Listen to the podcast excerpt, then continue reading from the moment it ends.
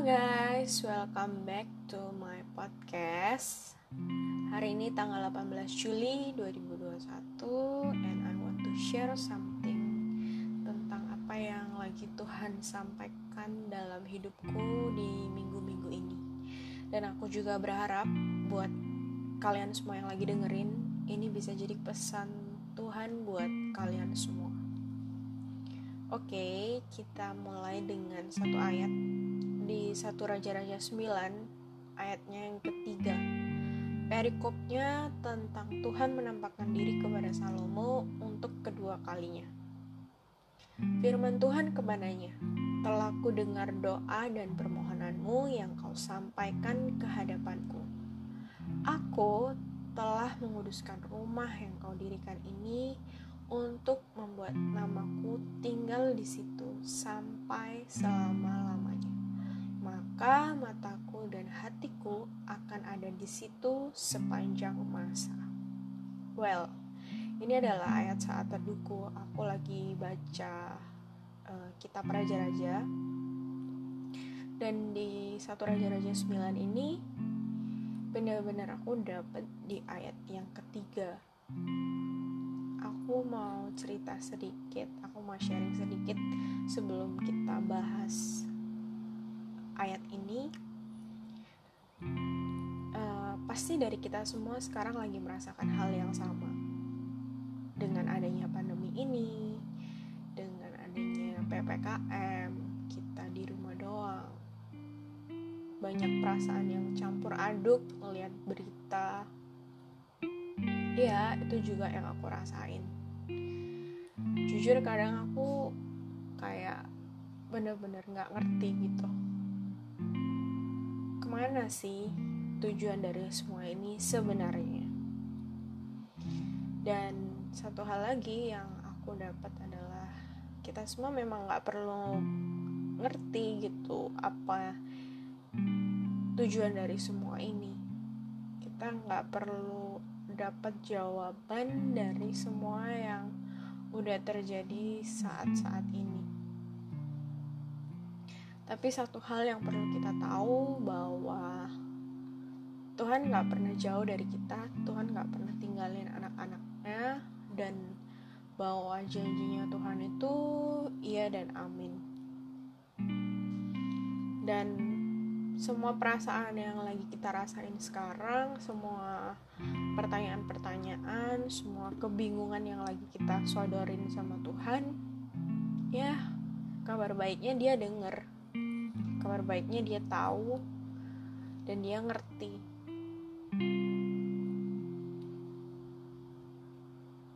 Jujur aku pun juga bingung sih sebenarnya cara ngatasin kebingungan semua ini. Tapi ada satu cara yang mungkin bisa kalian terapin. Jangan pernah nyerah untuk kejar Tuhan. Jangan pernah nyerah untuk kejar hatinya Tuhan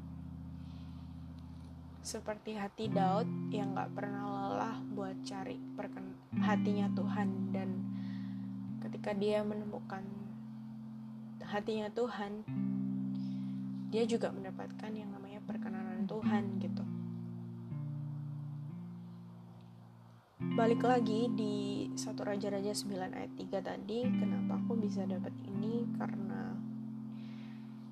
yang aku bilang tadi doa kita even doa kita nggak dijawab itu juga adalah sebuah jawaban yang Tuhan kasih buat kita.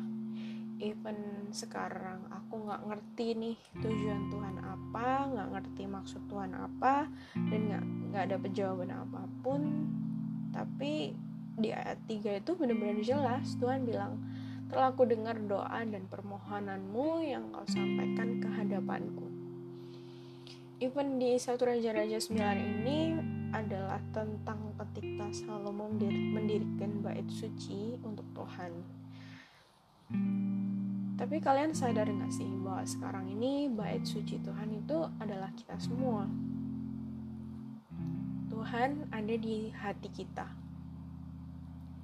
Dan Tuhan juga bilang bahwa aku telah menguduskan rumah yang kau dirikan ini untuk membuat namaku tinggal di situ. Kalau boleh aku bahasain ulang, aku telah menguduskan kamu atau rumah yang ada di dalam dirimu itu membuat aku tinggal di situ sampai selama-lamanya. Mataku dan hatiku akan ada di dalam dirimu, di dalam hatimu, di dalam hidupmu sepanjang masa. Yang artinya sampai pada masa sekarang ini pun dia ada bersama kita, teman-teman. Dari 2000 tahun yang lalu, dari berabad-abad yang lalu, bahkan sampai sekarang ataupun masa depan nanti, dia akan ada di sepanjang hidup kita. Yes, kita semua manusia saat ini lagi terbatas. Kamu, aku, kita semua manusia lagi terbatas. Tapi pertanyaannya, apakah yang gak terbatas itu tinggal di dalam hidupmu? Yesus mati secara luar biasa di 2000 tahun yang lalu supaya kita hidup gak biasa-biasa. It doesn't matter how you will start it. Gak peduli masa lalu mau gimana, gak peduli latar belakangmu gimana, gimana kamu memulai cerita hidupmu.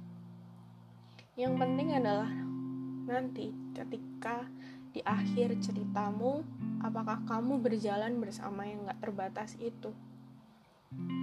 Di saat kamu merasa hidupmu sudah habis tapi satu hal yang aku mau kasih tahu ke kalian semua bahwa ada satu hal yang gak akan pernah habis yaitu kasihnya. Keterbatasanmu gak pernah bisa membatasi kuasa Tuhan bekerja atas hidupmu kalian bolehlah lihat banyak begitu banyak contoh di Alkitab yang Tuhan pakai adalah orang-orang biasa yang menjadi influencer, yang menjadi panutan, yang menjadi dampak, yang menjadi terang di dunia ini adalah orang-orang biasa atau bahkan bisa dibilang orang-orang yang gak layak menurut dunia. Even kamu pun saat ini, kita semua pun yang kita anggap diri kita biasa-biasa atau kita anggap diri kita ini bukan siapa-siapa, bukan pejabat, bukan dari kalangan artis, bukan dari kalangan influencer. He still choose you. Dia tetap pilih kamu untuk jadi terang. Karena untuk kita jadi terang, kita nggak perlu berjuang, kita nggak perlu usaha, tapi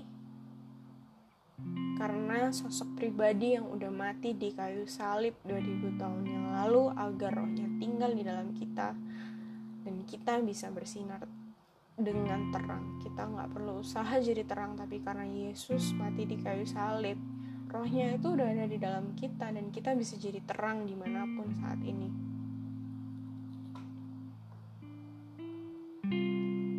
Ada satu kutipan dari satu content creator yang berkata bahwa ya Tuhan selalu di pihak kita tapi waktu nggak selalu di pihak kita. Jadi setiap keputusan apa pun yang kamu mau ambil saat ini pikirkan ulang dan terjemahkan ulang dari sudut pandang Tuhan. Dari sudut pandang ketika 2000 tahun lalu ada sosok pribadi yang mati buat kamu supaya kamu ada sekarang.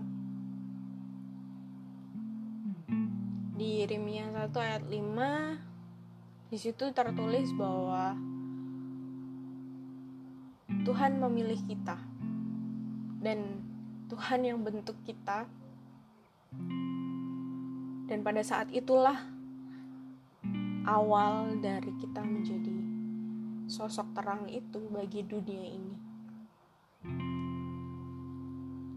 Jadi apa pun yang lagi kita rasain sekarang, kebingungan, terus uh, kita nggak ngerti harus gimana, it's okay. Jangan dina itu semua karena kita memang nggak perlu ngerti dengan apa yang terjadi saat ini. Tapi yang perlu kita tahu bahwa kasihnya itu nggak pernah habis kasihnya nggak pernah terbatas dan dia Bapa dia Tuhan yang nggak akan berubah dari dulu sekarang dan selamanya. Semoga pesan ini bisa jadi pesan buat kalian semua yang lagi dengerin. Dan aku percaya bahwa kita, aku dan kamu diciptain di dunia ini bukan karena bukan tanpa satu tujuan, tapi karena ada tujuan yang memang sudah Tuhan tetapkan. Aku percaya bahwa rencana dan apa yang Tuhan rancangkan sekarang itu benar-benar baik dan kita harus belajar untuk punya cara pandang seperti dia memandang kita. So, thank you and God bless you.